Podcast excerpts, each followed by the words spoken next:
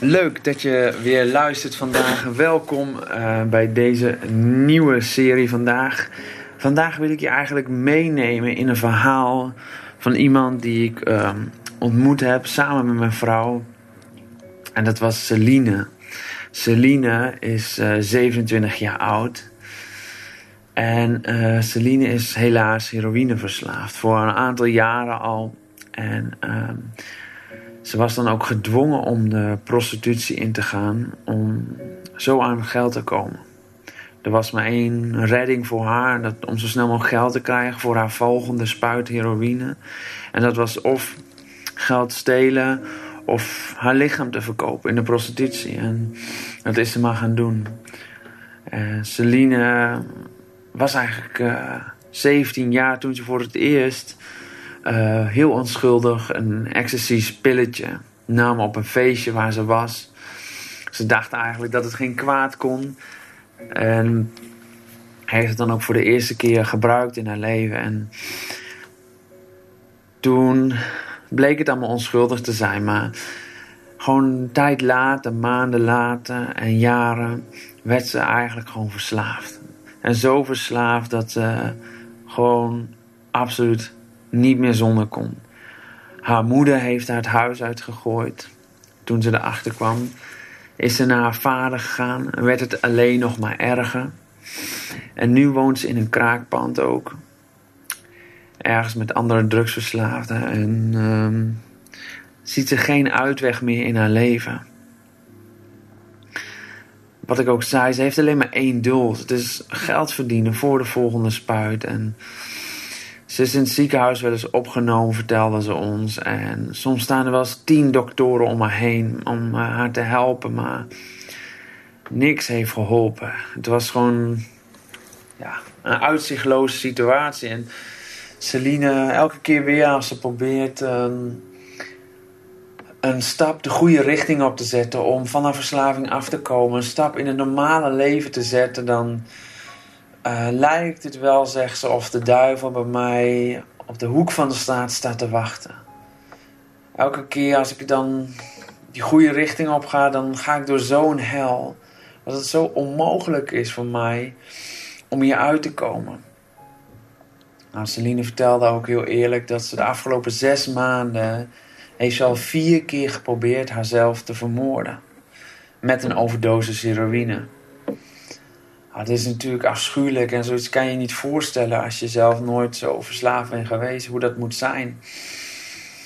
En um, ja, er was ook geen sprankeltje hoop ook meer te zien bij Celine. Maar we mogen wel weten dat um, Jezus in, ja, ook in Johannes 1, vers 5 zegt: Het licht schijnt in de duisternis en de duisternis heeft het niet in zijn macht kunnen krijgen. Dat Jezus kwam om deze duisternis weg te nemen. Dat Jezus met zijn armen wijd open staat om mensen die zelf geen uitweg meer zien, om ze in hun armen te sluiten. En met al hun verslaving, al hun kapotheid.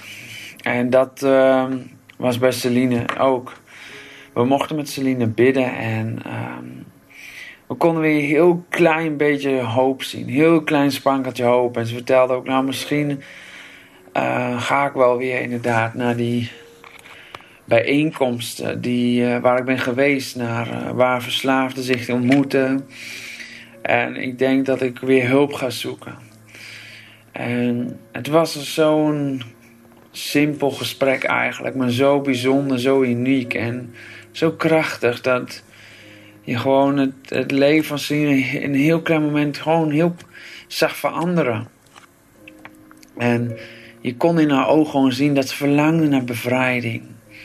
En naar een nieuw leven. Alleen ze heeft geen vrienden. Ze heeft zelf geen vrienden, gaf ze ook aan. Celine zei ook dat ze ook uh, alle vrienden is kwijtgeraakt toen ze verslaafd is geworden. En dat ze weinig echte vrienden hebben die je echt kunnen helpen om hieruit te komen. Want voor haar ziet ze zelf geen kracht meer. Is het veel te groot, veel te zwaar om, om dit zelf te doen. Ze voelt zich dan ook echt, echt verslagen. Nou, um, misschien ken je het wel. Misschien uh, ken je wel zo'n iemand die door zo'n donkere, moeilijke tijd gaat of die zo vastzit aan een bepaalde verslaving, dat het gewoon onmogelijk lijkt om eruit te komen. En deze mensen hebben vaak gewoon een vriend nodig. iemand die ze bij de hand neemt en zegt: It's gonna be alright. Het gaat goed komen. Er is hoop in elke situatie, in alle omstandigheden. En ik ga jou helpen om hieruit te komen. Hoe belangrijk is het niet om een vriend te worden voor mensen die in de duisternis leven, die in een hopeloze situatie leven. Die zijn gewoon op zoek naar iemand die een sprankeltje moed en hoop geven en een stap de goede richting op kunnen zetten naar vrijheid en bevrijding. Celine is zo iemand. En Celine weet dat ze met de hulp van anderen en als ze op Jezus gaat vertrouwen, dat ze de duisternis niet in haar macht zal kunnen krijgen. Dat ze de duisternis kan overwinnen. En ze vertelde ook dat ze dan met haar Bijbel onder onder kussen ging slapen elke dag. Met de hoop dat Jezus haar op een dag zou bevrijden. En we hebben haar mogen bemoedigen inderdaad dat dit uh, gaat gebeuren. En dat ze die stap mag gaan zetten. En dat ze op Jezus mag gaan vertrouwen. Dat Hij hier haar uit zal gaan halen. Uit deze situatie. Dat ook al is ze vastgeketen aan haar verslaving. Ziet ze zelf geen uitweg. Weet ze dat uh, zij met Jezus hier uit zal gaan komen. En de hulp van jou. Daarom wil ik je bemoedigen. Ga alsjeblieft op zoek naar mensen in jouw omgeving. In jouw werkplek. Of op school. Misschien ken je wel iemand. En zie je het in de ogen van deze persoon. Dat ze door gewoon doodongelukkig zijn. Door een hele moeilijke situatie gaan. Of dat ze gewoon de verslaving of de, het leven dat ze hebben. Dat het zo hopeloos is zo donker is dat ze er zelf geen uitweg meer zien. En misschien ben jij wel diegene die ze nieuwe hoop kan geven. Stap op deze persoon af, want al te veel mensen wijzen zulke mensen af. En zeggen dat ze het aan zichzelf te danken hebben, dat ze zelf deze keuzes gemaakt hebben, dat ze zelf aan moeten uitzoeken. Maar dat was niet wat Jezus zei toen hij kwam. Hij kwam niet om te oordelen, hij kwam om te redden. En hij verlangt ernaar om mensen van de duisternis in het licht te brengen. Hij heeft de duisternis overwonnen. Hij is gestorven, hij is opgestaan en hij heeft de overwinning gegeven. En jij mag dit doorgeven. Dan wil ik weer moedig vandaag en voor je bidden dat je de moed zal hebben om uit deze situatie te komen of iemand te helpen die in deze situatie zit. Nou, hiermee zegen ik je. En uh, wil ik je danken om, voor het luisteren naar deze podcast. Uh, we kijken weer uit om volgende week uh, je weer te ontmoeten met een nieuw verhaal, met een nieuw persoon.